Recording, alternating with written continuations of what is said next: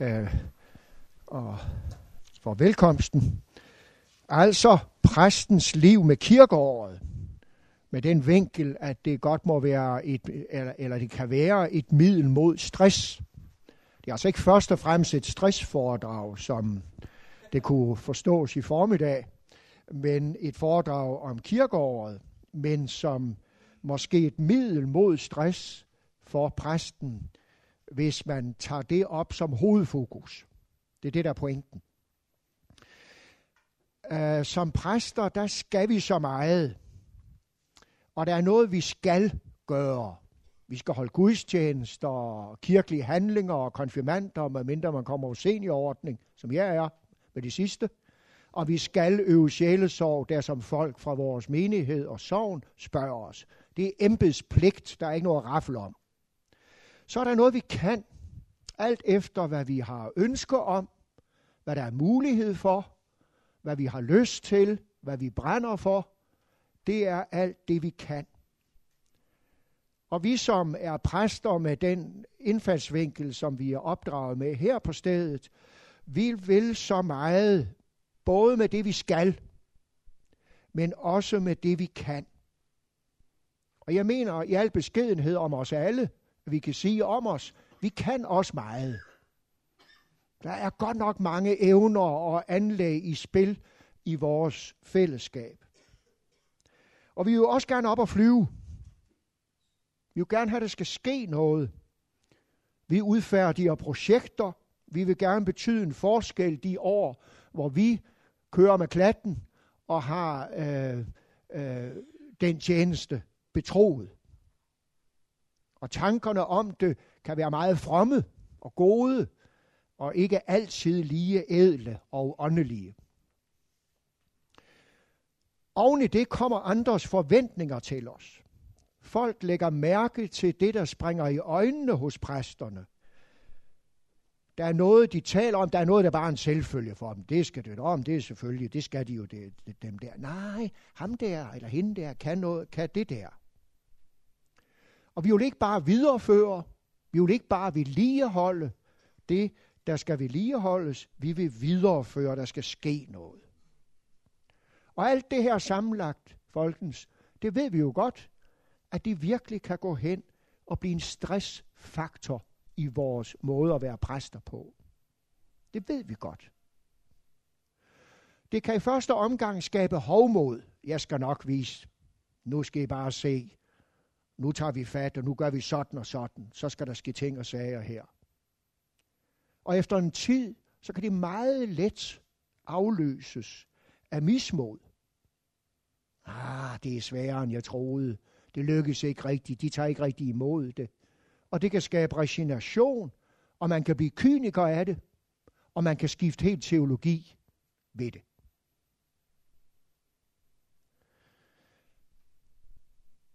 Er det så signal, signal til at sadle om, og måske søge at gå en anden vej?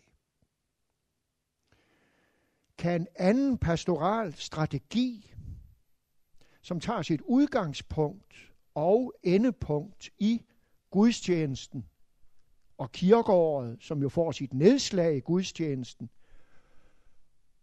Og disse to tings udgangspunkt og endepunkt som nedslag i præstens eget åndelige liv, kan det tænkes at være et afgørende og godt middel mod stress og stress, det er jo ikke bare det, vi har travlt. Det er det usunde, det farlige, vi taler om. Med øje for Kirkegaard som en af vores rødder og med tanke på, at det kan få vinger og flyve med i vores tjeneste og indre liv med Gud. Det er det, der er det, vi skal have, se, om vi kan få op at ringe. Hvad kan nu tale til fordel for denne her strategi, den her måde at tænke præstearbejdet på. De kan jo det, at kirkeåret og gudstjenesten, jamen det er det givende. Det er det faste, det er det vi skal, det er det vi gør hver søndag, det er det præsterne gør hver søndag, det er det den gudstjenestefejrende menighed gør hver søndag, det er hele tiden. Det er der, hvor kernemenigheden kommer. Den kan være stor eller lille, men den er der.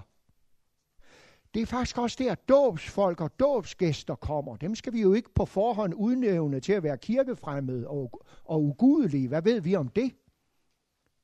Vi kan også her nævne folk, der sådan kommer en gang imellem, men som vi ikke har indtryk af er sådan kirkevante eller faste. Og der kan være de der folk, den der, uh, hende har jeg set i overvis på gaden, jeg har aldrig set hende i kirke før, nu er hun der. Kirkeåret og gudstjenesten, det har med at gå ind i vores menneskeliv og den stemning, der præger os. Det taler der til fordel for, at for en pastoral strategi, der vægter de her ting og rangerer det op som punkt nummer et. En anden ting, det er, at der ved at vægte kirkeåret i gudstjenestens sammenhæng, der opnår vi to ting. Det ene for Guds folk, for den kernemenigheden, den gudstjenestefejrende menighed, dem der vil være troende på det her sted, der er der opbyggelighed, så det brager, hvis vi gør jobbet ordentligt. Dernæst er der altså også mission i luften. Jeg tænker på de mennesker, som de facto kommer til gudstjeneste, og som for os at se, så vidt vi kan skønne, ikke er kirkevandte. For nogle år siden, der inspireret af Willow Creek, som jeg sætter meget højt og tager til lederskabskonference hvert år, og bliver ved med det til jeg signer, fordi så givende er det. Der blev vi inspireret til at lave søgergudstjenester i St. Pauls Kirke, og vi var vilde med dem. Vi kaldte dem essens. De kørte fra 3 til 10. De var brave gode. Målgruppen var kirkefremmede, ud fra tanken om, de kan ikke kapere højmessen, de vil have det på en anden måde. Og i begyndelsen, der kom der virkelig kirkefremmede. Det var, uh, det ringede. Vi var 40 frivillige medarbejdere, vi gav den hele sømmet. Syv gudstjenester om året. Det, var, det, var, det kørte. Efterhånden, så kom der færre og færre kirkefremmede. Og en gang vi snakkede med nogen, der ikke virkede særlig kirkevandte, så, og vi kom med alle mulige fancy sange, så sagde de, kan vi ikke få lov at synge, se nu stiger solen af havets skød. Og efterhånden så æbbede det jo ud, vi kendte langt de fleste. Så havde vi mod til at skære fra, holde en ordentlig fest og sige Gud og hinanden tak for de her syv år.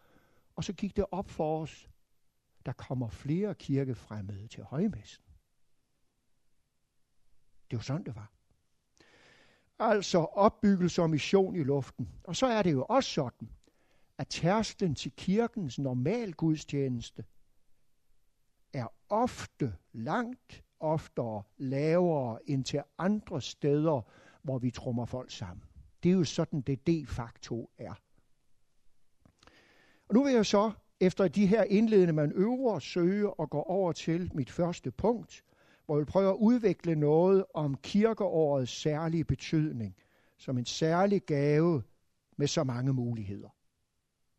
Nu skal det jo ikke være sådan for vores øh, strategi som præster og for vores tænkning, at kirkeåret skal være alfa og omega.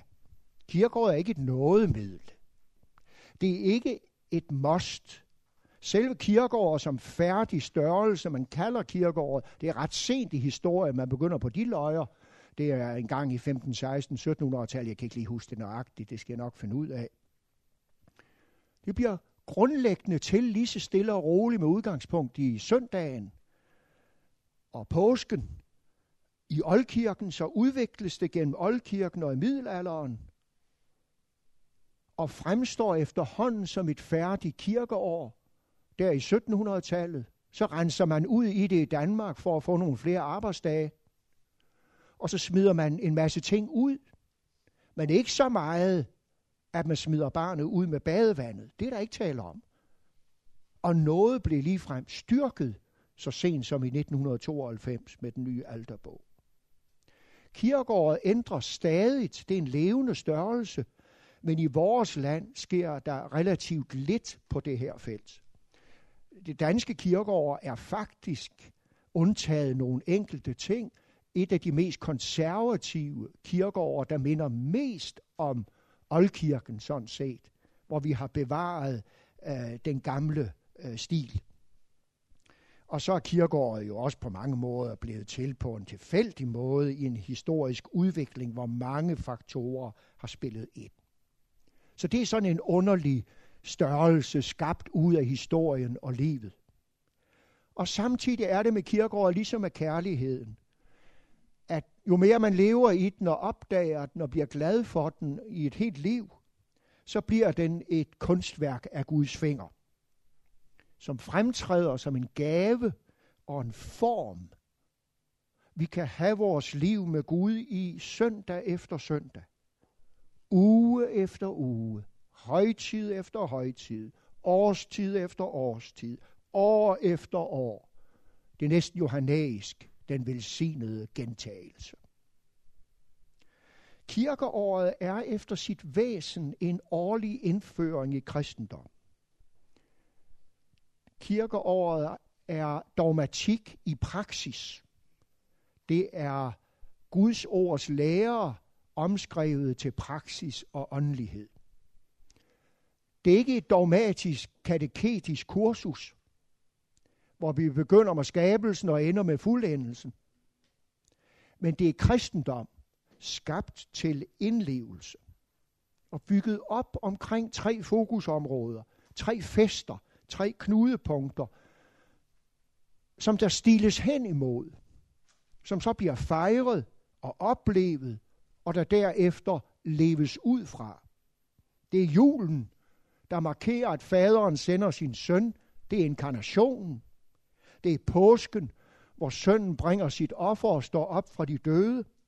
Det er pinsen, der markerer Helligåndens sendelse og virksomhed i Helligåndens værksted i verden, kristenheden, med Helligåndens værktøj, nådemidlerne, og med Helligåndens værk at mejsle og skabe troen og håbet og kærligheden, og lade den vokse og leve. Disse tre knudepunkter, disse tre centre i løbet af et år har sine forberedelsestider. Advent, fastetid og sidste del af påsketiden. I forberedelsestiderne, ja, der forbereder vi os til tilegnelse af den kommende fest. Vi legner op til fest.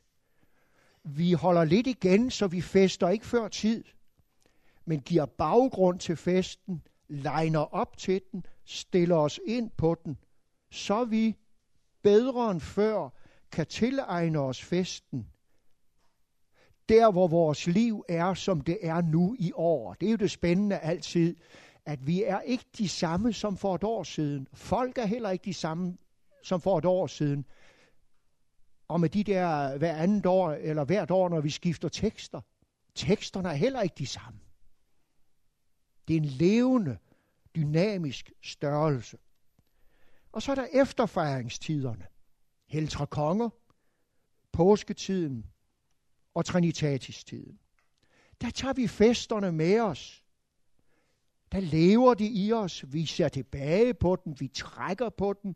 De implementerer os i forskellige forhold i hverdagen. Alt sammen med det mål for øje, at det festen bragte, det skal leve – så troen og håbet og kærligheden kan vokse. Det her, det afspejles nu i gudstjenesten med kirkeårets nedslag. Først og fremmest gennem de bibelske tekster, hvor vi på to kirkeår på en søndag har seks til syv, samtidig otte tekster til søndagen. Og i det hvor det er den, den ene række, så er der altså mindst tre, vi kan bringe i spil. Og disse tekster fra skriften er og bliver det vigtigste og det normerende for kirkeåret. Så kommer salmerne, som jo ikke mindst i vores danske tradition er, er det helt vildt gode. Salmerne, som ofte relaterer sig til kirkeåret, og til festerne og til teksterne og til årstiderne, som ligesom svinger med og er med til at tolke det. Hvad tænkte de, da vi sang øh, øh, Vær velkommen Herrens år, som en spurgte, er det nytårsudgaven? Nej, ikke til det her foredrag. Genoplevede I det ikke? Åh oh, ja, vi har lige sunget den. dejlig. Nu har vi den igen. Og nu skal vi selvfølgelig høre om kirkeåret, så skal vi synge den. Så er der farverne. Messehalen, stolagens farve, antipendiet, hvis man bruger den slags, det gør man nogen steder. Det er, der skal også være noget for øjet. Den lutherske kirke er årets gudstjeneste, yes. Men der skal være noget for øjet. Kirkerummet er indrettet, så der er noget for at se på. Øjnene er også øh, det, som budskabet skal gå ind til. Og så er det jo efterhånden blevet sådan, at hver søndag har fået sit tema, sit præg, sin atmosfære, sit budskab, der ligesom den søndag skal holdes frem for os. Og så er der de traditioner, der knytter sig til nogle søndage. Ikke alle søndage er ikke lige traditionsbefængt, men der er nogen søndage, der er det. Der er nogle tider på året, der også har øh, stærk forbindelse til dansk folkelighed. Julen er jo et stærkt eksempel på det. Fastelavn kan være det. Konfirmationsgudstjenesterne kan være det. Påsken kan være det i nogen sammenhænge, osv. osv. Sådan er kirkeåret. Den måde, det er på, en del af livets rytme, søndagsrytmen, ugerytmen og årsrytmen. Så vil jeg anføre nogle vinduer på gudstjen, øh, øh, vinduer til kirkeåret. Det er jo det anderledes år. Det begynder skævt. Der sidste søndag i november øh, hyppigt. Det er et år med Jesus, som en har kaldt en prædikensamling over kirkeårets tekster. Det er at være på vandring gennem kirkeåret. Vi er pilgrimme. Vi er på vandring gennem livet. Så er der så nogle oaser, der skiller sig ud hvor vi får særforplejning, hvor vi hviler os lidt, og hvor vi får øh, føde og noget at drikke. Det er som en slags pitstop på livet. Det er indlevelse de vigtigste sider ved den kristne tro over et år. Og hvis vi lever med, og hvis præsterne holder sig til opgaven og tro over for den, så kommer vi igennem de fleste facetter i den kristne tro på et år så kaldes det også for Herrens år. Det er ham, der bestemmer over det. Det er ham, der skal være i fokus. Så kaldes det for nådens år. Det er det år, der vil formidle nåden. Det har vi jo programmatisk i anden rækkes evangelium til første søndag i advent med forkyndelsen af nådens år. Og så er der en bog om kirkeåret, jeg har kigget i, som hedder Rejsen ind i Guds hjerte. Værsgo og spis. Og det drejer sig om at leve i det kristne år, som en anden bog, øh, har som titel. At bo og leve i Guds historie og opleve den gennem tekster og salmer, nådemidler, rummet og i menneskelivet. Så når vi tænker kirkeår, så skal vi også tænke tidsbegrebet. Der kan ikke lade være med at tænke på den skønne Whitney Houston, som jeg er helt vild med. Hun synger så skønt. Hun har den der One Moment in Time, som blev sunget ved uh, øh, øh OL i Atlanta blandt andet. Det er helt fantastisk gribende. One moment in time, og så slutter det med eternity. Kirkeåret er one moment in time. Vi taler om den liturgiske tid. Det er bibelsk. Det er ihukommelsesbegrebet fra det gamle testamente. Der var noget, der skete en gang, som sker nu for at ske en gang igen. Når vi holder kirkeår, og holder gudstjeneste, så aktualiserer vi fortiden, og vi forudgriber fremtiden. Det proleptiske, som Morten var inde på i formiddag. Det er nu, det sker. Og det der point med kirkeåret, det er, det hele i kirkeåret er altid med. Også når den enkelte del og fli udfoldes. Men så siger vi bare, nu er det tid for den del og den fli. Nu er det fokus, der er sat her. Her sætter vi stregen nu. Det er det, vi er optaget af nu. Men vi ved godt alt det andet. Det spiller også med. Vi sætter bare stregen et særligt sted nu her. Og det udøver vi en vis disciplin omkring. Ikke så vi ikke kan have linjer til det øvrige, selvfølgelig kan vi det, men en vis tilbageholdenhed, så man tør opholde sig i adventstiden, og ikke jule for tidligt, og samtidig være klar at vi ved godt, det kommer der. Så er der også det med kirkeåret, at den jo har med, med øh, naturens årstider at gøre. De snakker sammen. Og det ved vi særligt i vores kultur, og det er faktisk en god kulisse for kirkeåret. Jeg tror, der er sådan lidt mening for Guds side i det. Så længe jorden står, skal såtid og høsttid, kulde og varme, sommer og vinter, dag og nat ikke ophøre. Sådan er Gud skabt og formet livet. Og det spiller ind i kirkeåret, og kirkeåret spiller ind i det. Det synes jeg er en berigelse. Det tror jeg også, når I lige tænker over det, så er det også sådan, I oplever det, tror jeg. Det afspejles nemlig meget i teksterne. I, øh, øh, i salmeteksterne. Men kommer også til at spille med i kirkeåret, uden at vi selvfølgelig af den grund skal dyrke naturen og henfalde til at gøre budskabet til natur og naturlyrik og gøre opstandelsesbegivenheden til forårets gennembrud.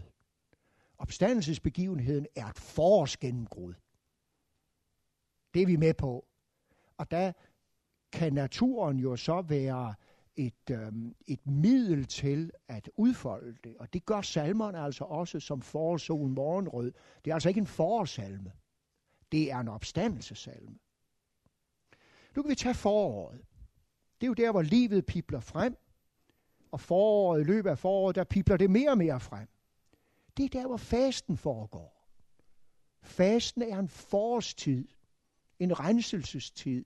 Liv tager mere og mere fat. Det er der, hvor påsken kommer. Påsken kommer samtidig, mens det sner og er bundfrossent. Så kommer det det gennembrud for livet, hvor frosten overvindes af opstandelsens kraft.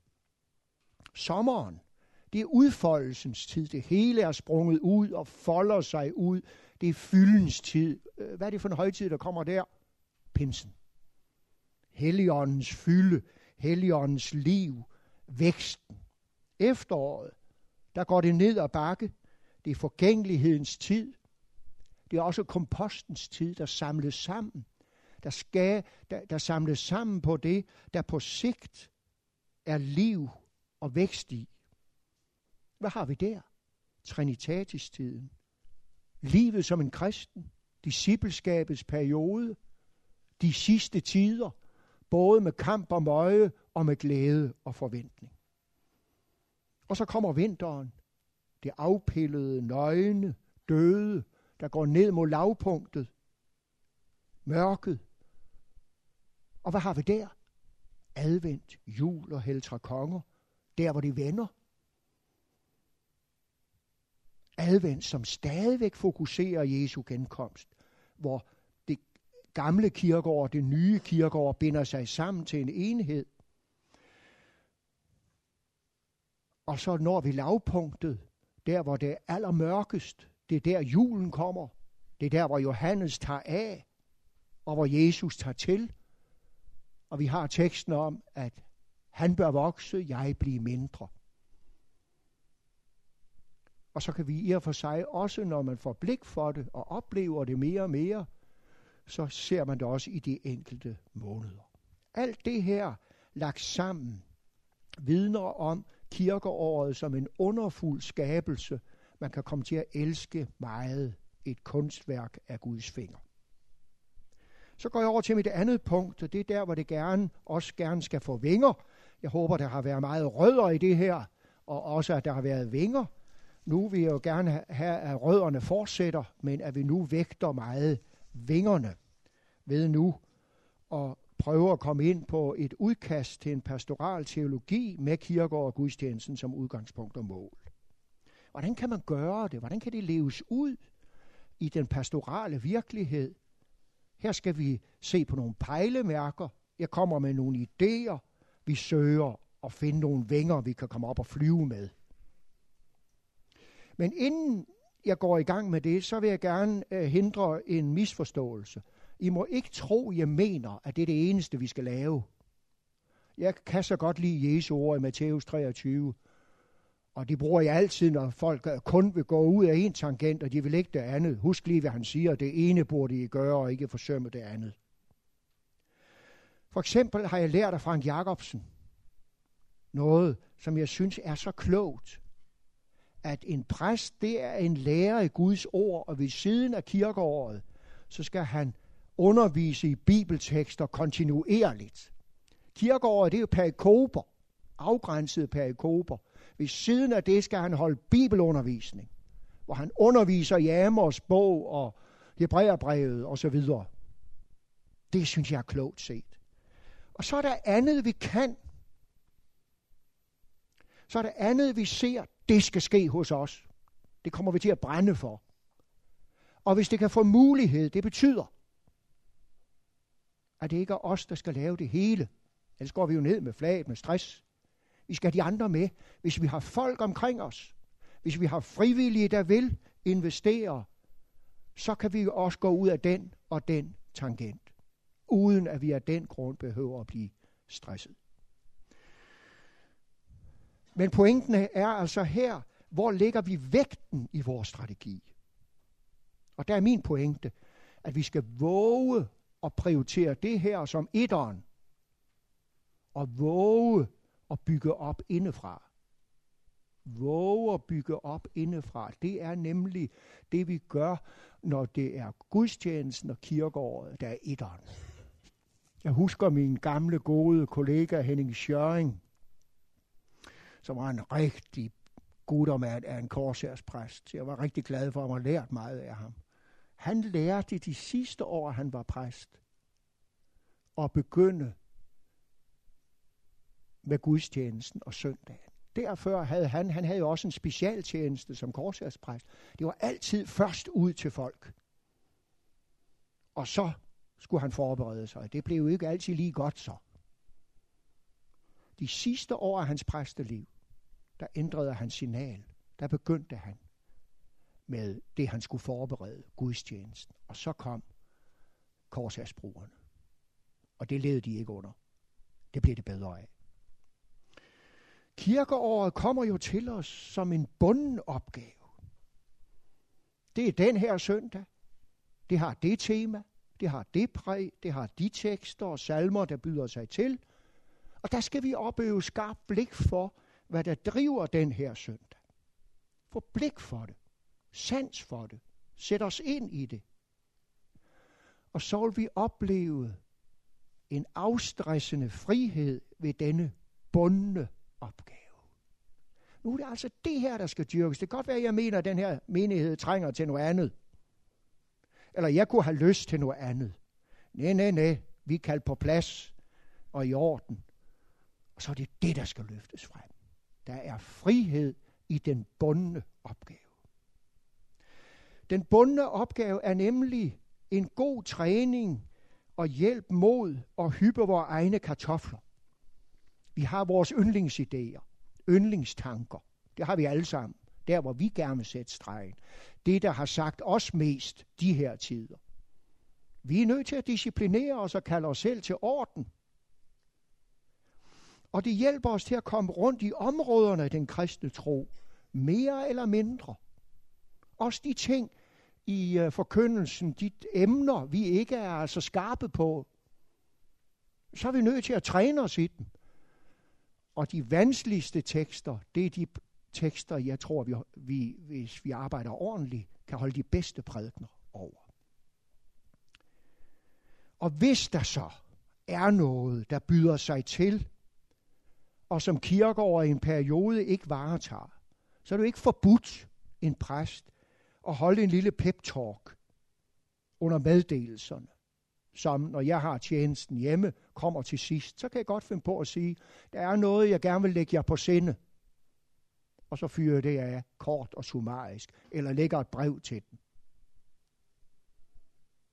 Der er en hjælp i den bundne opgave, også når det er svære søndage. Jeg kan huske en gang, Henrik, i Vierslev, der man havde efterårskonfirmation, hvor der skulle øh, være konfirmation på dødens søndag, 16. søndag efter Trinitatis. Det var vist uh, Lazarus-teksten til konfirmation. Jeg sprang jo ikke over den. Det skal man nemlig ikke. Man skal ikke flygte fra opgaven. Jeg gik ind i løvens hule og mejslede ud, hvorfor det var vigtigt. Og det var en bunden opgave. Folkekirken havde pålagt præsterne, det er det, du skal prædike over i dag. Kære venner til konfirmation, i dag skal vi høre om døden, og så noget meget mere. Det kan man udfolde. Eller her forleden anden juledag, med alt det der blod og Stefanus og efterfølgelse. I husker teksten fra sidst, den var barsk, det var virkelig hård kost. Så var der dåb. Dejlig familie, har haft alle tider dåbsamtale med den, bor lige ved siden af. De var så gode, og samtidig anede jeg lidt, at fatter her, han var lidt skeptisk. Jeg var sådan lidt uha. Jeg tænkte, jeg går til sagen. Jeg sagde til den, jeg sagde til dem i samtidig, I skal lige være klar over, at det er, det er godt nok julegudstjeneste, men det er, det er martyrium. Det er blod, det er fight, det er udfordrende. Ja, ja, sagde de, skal vi nok. Og, øh, og så lagde frem for menigheden, at det er det, vi hører om her. Og hvorfor vi gør det en anden juledag? Min erfaring er, når vi står med de kontroversielle søndage og skal sige noget, der, der ikke er så langfægt og upopulært, sig hvad det er. Sig hvad der er dagens bundne opgave. Sig, at det har folkekirken pålagt os i dag at gøre. Det vil vores kirke have frem til os. Og så kan det faktisk komme som særlig givende. Vi skal lade være med at flygte. Vi skal lade være med at lave om og tale udenom. Gå ind i løvens hule og sig, hvad du gør. Og det er så rensende katarsisagtig for folk, der bare vil hen og have en hyggestund eller festlige ord til lejligheden ved en konfirmation. Og lad ordet og dagen tale ind i situationen, uden nødvendigvis at nævne situationen. For det høres der ind i. To eksempler. Jeg var blevet bedt om at tale i en anden menighed.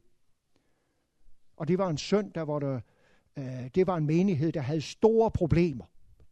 Store problemer indadtil. Store rivninger i den menighed. Og jeg var gæsteprædikant. Og der skulle tales om kristnes forhold til hinanden.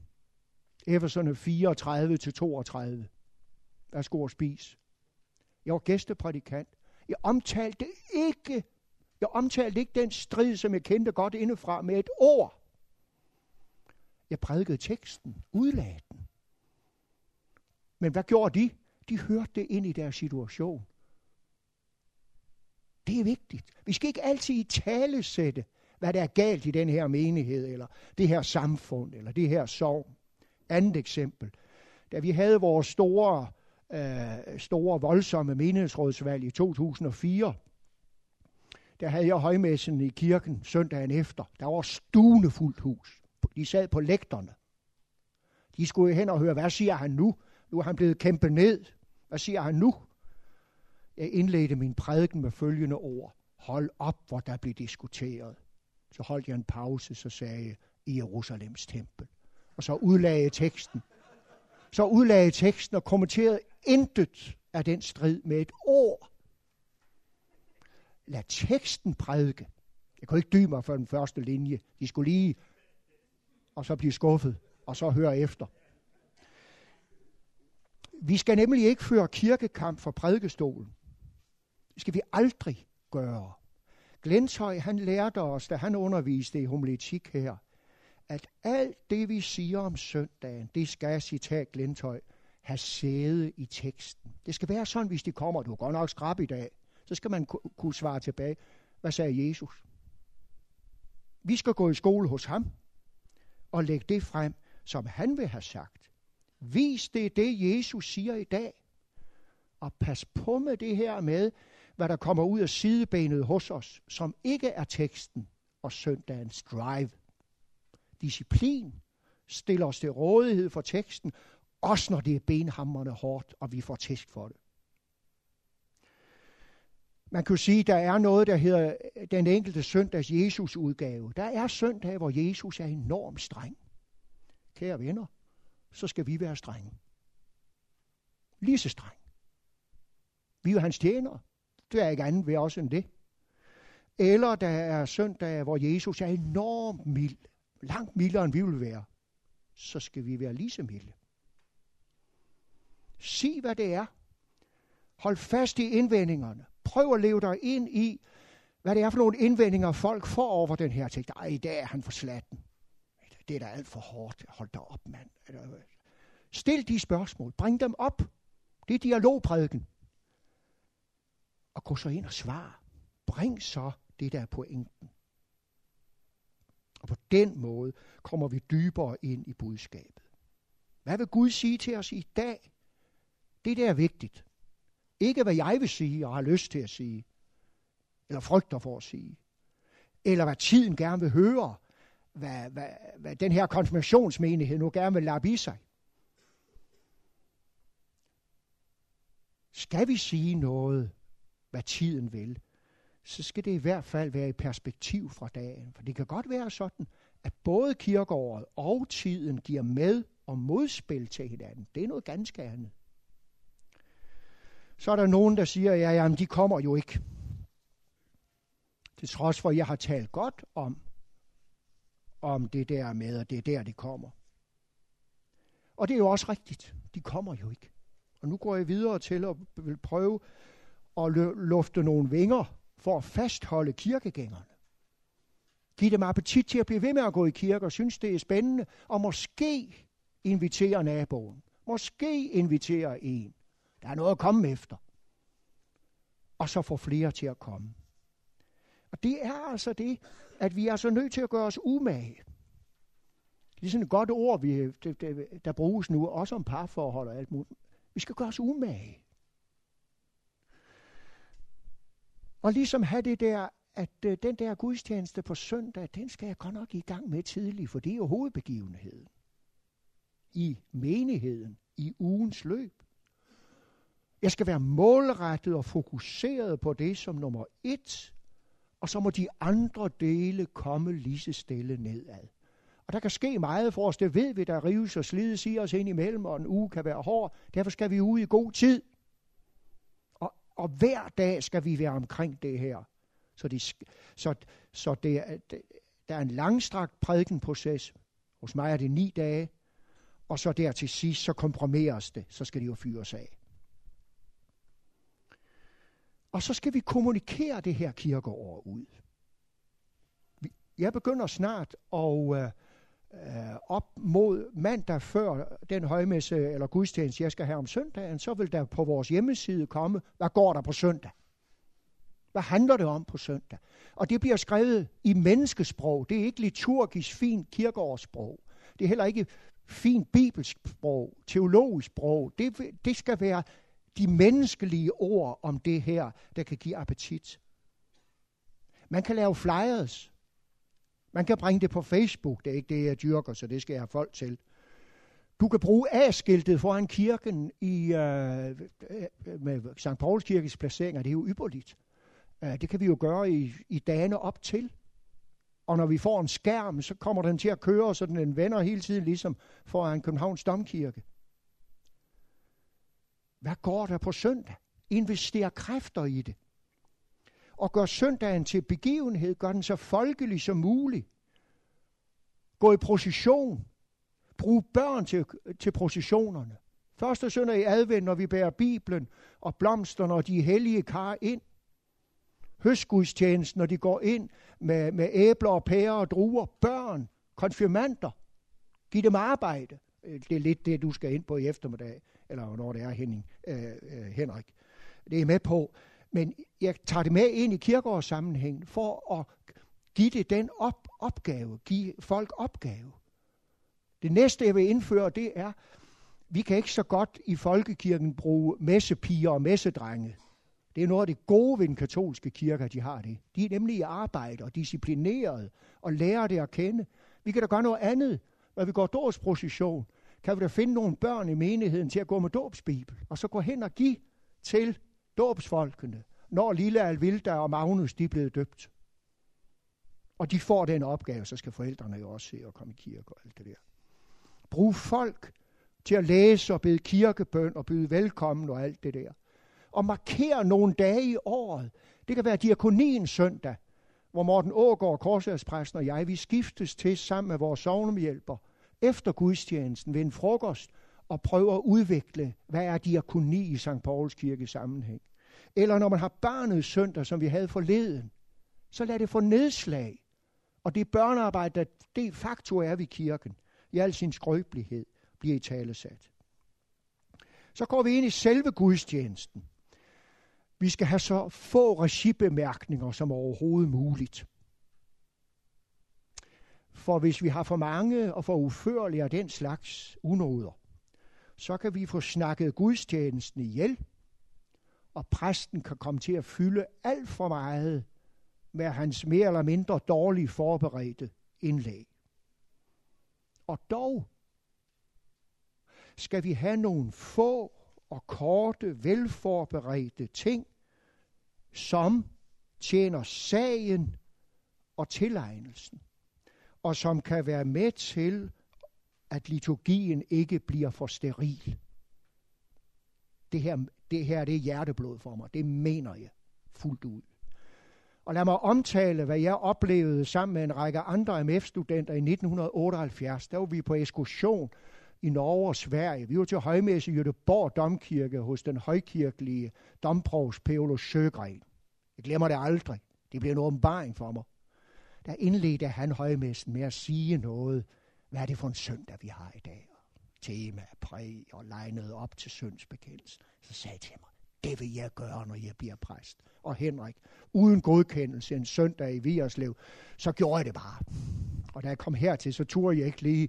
Så ringede jeg til biskop Herluf Eriksen og spurgte, om jeg måtte det. Ja, hvis menighedsrådets medlemmer ikke har noget at indvende imod det, så er det bare i orden for mig. Så ringede jeg rundt til dem alle sammen, for jeg skulle jo i gang. Og de sagde alle sammen, gør du bare det. Og så har jeg gjort det siden. Det er nemlig med til at gøre den her guds, give den her gudstjeneste skarphed, tydelighed, tema, rød tråd. Det er det, vi skal have om i dag. Folk er legnet op til det. Så er det også vigtigt på salmeplanet, at vi har øje for, det er jo Fred og Niels Jørgens emne i, i workshop, det er de kloge på. Men at vi for eksempel lader i, i kirkeåret køre en sæsonsalme igennem, som er genkendelighed. Den der skønne, de hellige tre konger, så hjertens glad, er vi under i den her periode. Hver søndag i hellige kongers tid. Værsgo og spis. Og så præge den værdi ind i folk og tale, i tale sætte den med et smil. En normal kristen går i kirke hver søndag. Kun fødsler og dødsfald bør hindre os. Det skal vi gøre. Vi skal sige det frimodigt. I søndags, der havde vi, havde, havde vi katekismus gudstjeneste kl. 16, så sagde jeg under med, meddelelserne, hvad skal I i aften? Stod jeg og grinede lidt af dem. Så smilede de lidt. I har jo gjort, hvad I skulle. I har været i kirke. Men jeg vil godt sige, at i aften, der er der gudstjeneste over i bykirken, hvor Evangelisk Alliance afslutter sin bedeuge. Det vil jeg opfordre jer til at gå til, men I har gjort, hvad I skulle. Nogen kom, nogen gjorde ikke. Helt efter bog. Tag dagens budskab med hjem. Samtidig der til sidst, så kan jeg finde på at sige, ja, det var så den søndag. Der fik vi det. Det er det, vi skal gå hjem og arbejde med nu. Næste søndag, der skal vi have om. Det kan du bruge, det kan du bruge 10 sekunder på. Mere er der ikke i det. Lige vi net til sidst. Og så kirkebønden. Bedt for aldret, formet. Øh, jeg former den gerne, og så har dem, der beder den, så har de frit slag til, hvordan de vil gøre det. Hvordan de vil udtrykke det sprogligt. De skal bare respektere indholdet. Hvor vi også har udgangspunkt i den her søndags budskab og situationen i verden. Og det skaber formuleringerne, hvor vi så har særlig blik for de menneskelige, sociale og samfundsmæssige sider af det. Og så er det vigtigt også, at vi i vores forberedelse arbejder på at få de to, tricks, de to tre tekster i samtale med hinanden, med hovedvægten på dagens evangelium, som er det sidste ord og det afgørende ord. Og så skal vi, mens vi gør det, være optaget af det menneskelige. Det er meget vigtigt for mig, det her. Den menneskelige gudstjeneste. Det vedkommer mit liv. Det har altid menneskelig relevans. Det er alment menneskeligt. Hvis vi lægger vægten der, folkens, så når vi alle. Også de troende. For vi er fælles om at være én ting. Mennesker. Alle tekster kan der prædikes over til børn, til unge, til voksne, til gamle. Det handler om at leve sig ind i budskabet og oversætte det til børnesprog, teenage-sprog osv. Og når det er sagt, så skal vi kende vores opgave rigtigt også. Vi må ikke blive så optaget af såkaldte kirkefremmede, der ikke ved så meget. Hvad ved vi om det? Vi skal aldrig tale ned til folk, kun hen til folk. Men vi må aldrig blive så optaget af den, øh, det fokus, at vi svigter troens folk. Dem, der faktisk tror og vil leve som dedikerede kristne. De skal have noget med hjem. Troende mennesker skal vi ikke skuffe. Det er vigtigt. Nu er kirkeåret og gudstjenesten søndag formiddag jo ikke en event. Events, det er bare sådan en engangsforestilling. Men vi skal gøre det til en begivenhed. Erobre den. Og gøre den til begivenhed. Sådan at temaet og teksten fylder. Og gør noget ud af den. Alt det her kræver tid. Men det er tid, der er godt givet ud. Vi skal også være ude i god tid, har jeg sagt, og være velforberedte. For kun når vi er velforberedte, gives der plads for god og sund spontanitet. Vi skal ikke tro, vi ved, hvad vi vil sige. Vi skal have det forberedt og skrevet ned. Så kan vi være fri af det. Det er noget andet. Jeg kan huske en gang en sagde, det er godt nok meget tid og mange forberedelser på at bruge på et kvarter Prædikten. Eller en time, halvanden gudstjenesten. Ja, det er det. Men vi bruger tid på det vigtigste. Vi bruger tid på det, der når flest folk. Og vi erhverver os et forråd, der kan bruges til andet godt. Til et møde, hist og pist. Vi kan bare omarbejde det. Vi kan bare sakse. Og får det følger for så meget andet. Det er bestemt ikke spild af tid. Og så skal vi lige huske alle fordelene. Og så er der også øverst side 6 nu, at det med at leve i ugen efter. Øh, nu har vi altså søndagen, ikke? Så lever vi ugen efter den søndag. Og så ændrer det sig lørdag før den næste søndag. For os præster må det jo selvfølgelig være ugen op til søndagen, eftersom vi forbereder os. Men også ugen efter, hvis man for eksempel har en hverdagsgudstjeneste. Det har vi jo, Anders i, og Bjørn i St. Pauls Kirke Fyraftens gudstjeneste. Så kan vi prædike over epistlen. Eller bare det enkelt bibelvers, der ligesom ånder af dagen, eller GT-teksten. Eller man indleder til menighedsrådsmøde, så kan man tage udgangspunkt i det. Jeg kan huske Kurt, en af dine forgængere, eller forforgænger måske, Anders Dusgaard, han brugte altid, når han prædikede til hvielser og begravelser, så var det altid med udgangspunkt i epistlen. Det synes jeg lige enøjet nok. Men han, det rummer en pointe som ikke er helt tosset, og som også godt kan udvikle vores hvilesestaler og begravelsestaler, det er at prøve at lade søndagens tekster skylle igennem begravelsen og hvilesen.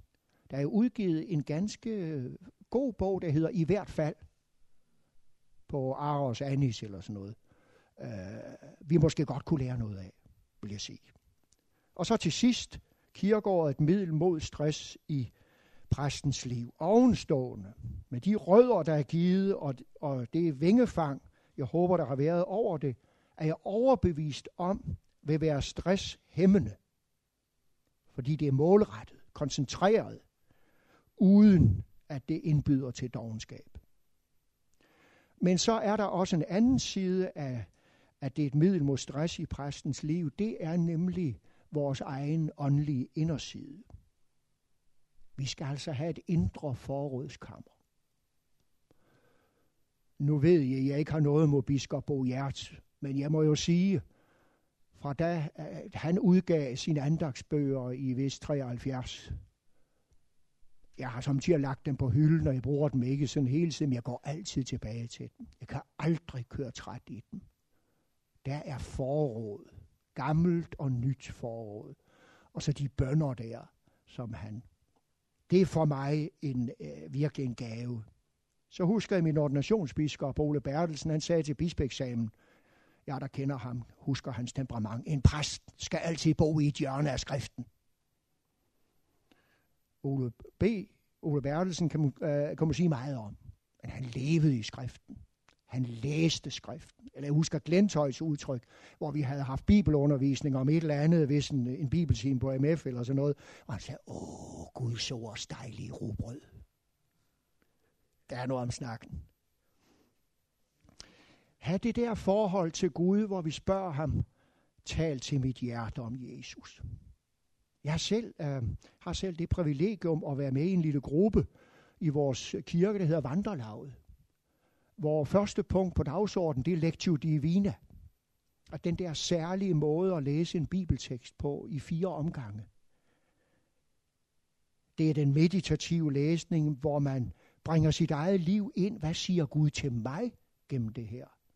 Første omgang, bare en sætning, et udtryk. I anden omgang måske noget mere. Det har jeg haft stor glæde af. Det, det, det, der er vigtigt, det er jo, at vi disciplinerer os som præster og lader Guds ord tale til os selv. Ikke først og fremmest for, at vi skal have noget at sige om søndagen, eller til den, det og det møde. Vi snakker jo hele tiden, præster. Men tale til mit hjerte. Og når det går ind og aflejer sig derinde, så har vi også noget at tage frem af. Og så skal det være sådan, når vi stiller os op om søndagen, så skal det være sådan, når vi tager ordet, og så skal folk tænke dernede, nå, nu skal han til at fortælle om det største, der er sket i hans liv. Det er det, det drejer sig om. Så der kommer nerve og kant og ild i det. Og opgaven er jo så bare, ikke bare, og alligevel bare, det her budskab, som jeg nu har fået lagt på scene, hvordan får jeg dog det sagt, sådan at det, ham der Morten på 14, han hører det. Og hende der, der lige er begyndt at gå i kirke, og som er glad for det, hører det. Og den gamle troende der, der sidder der er glad for det. Det ægte par, som har bøvl i deres ægteskab, at de kan få noget med hjem. Hvordan gør vi det? Ja, det er jo opgaven. Det er ikke bare. Og alligevel er det bare.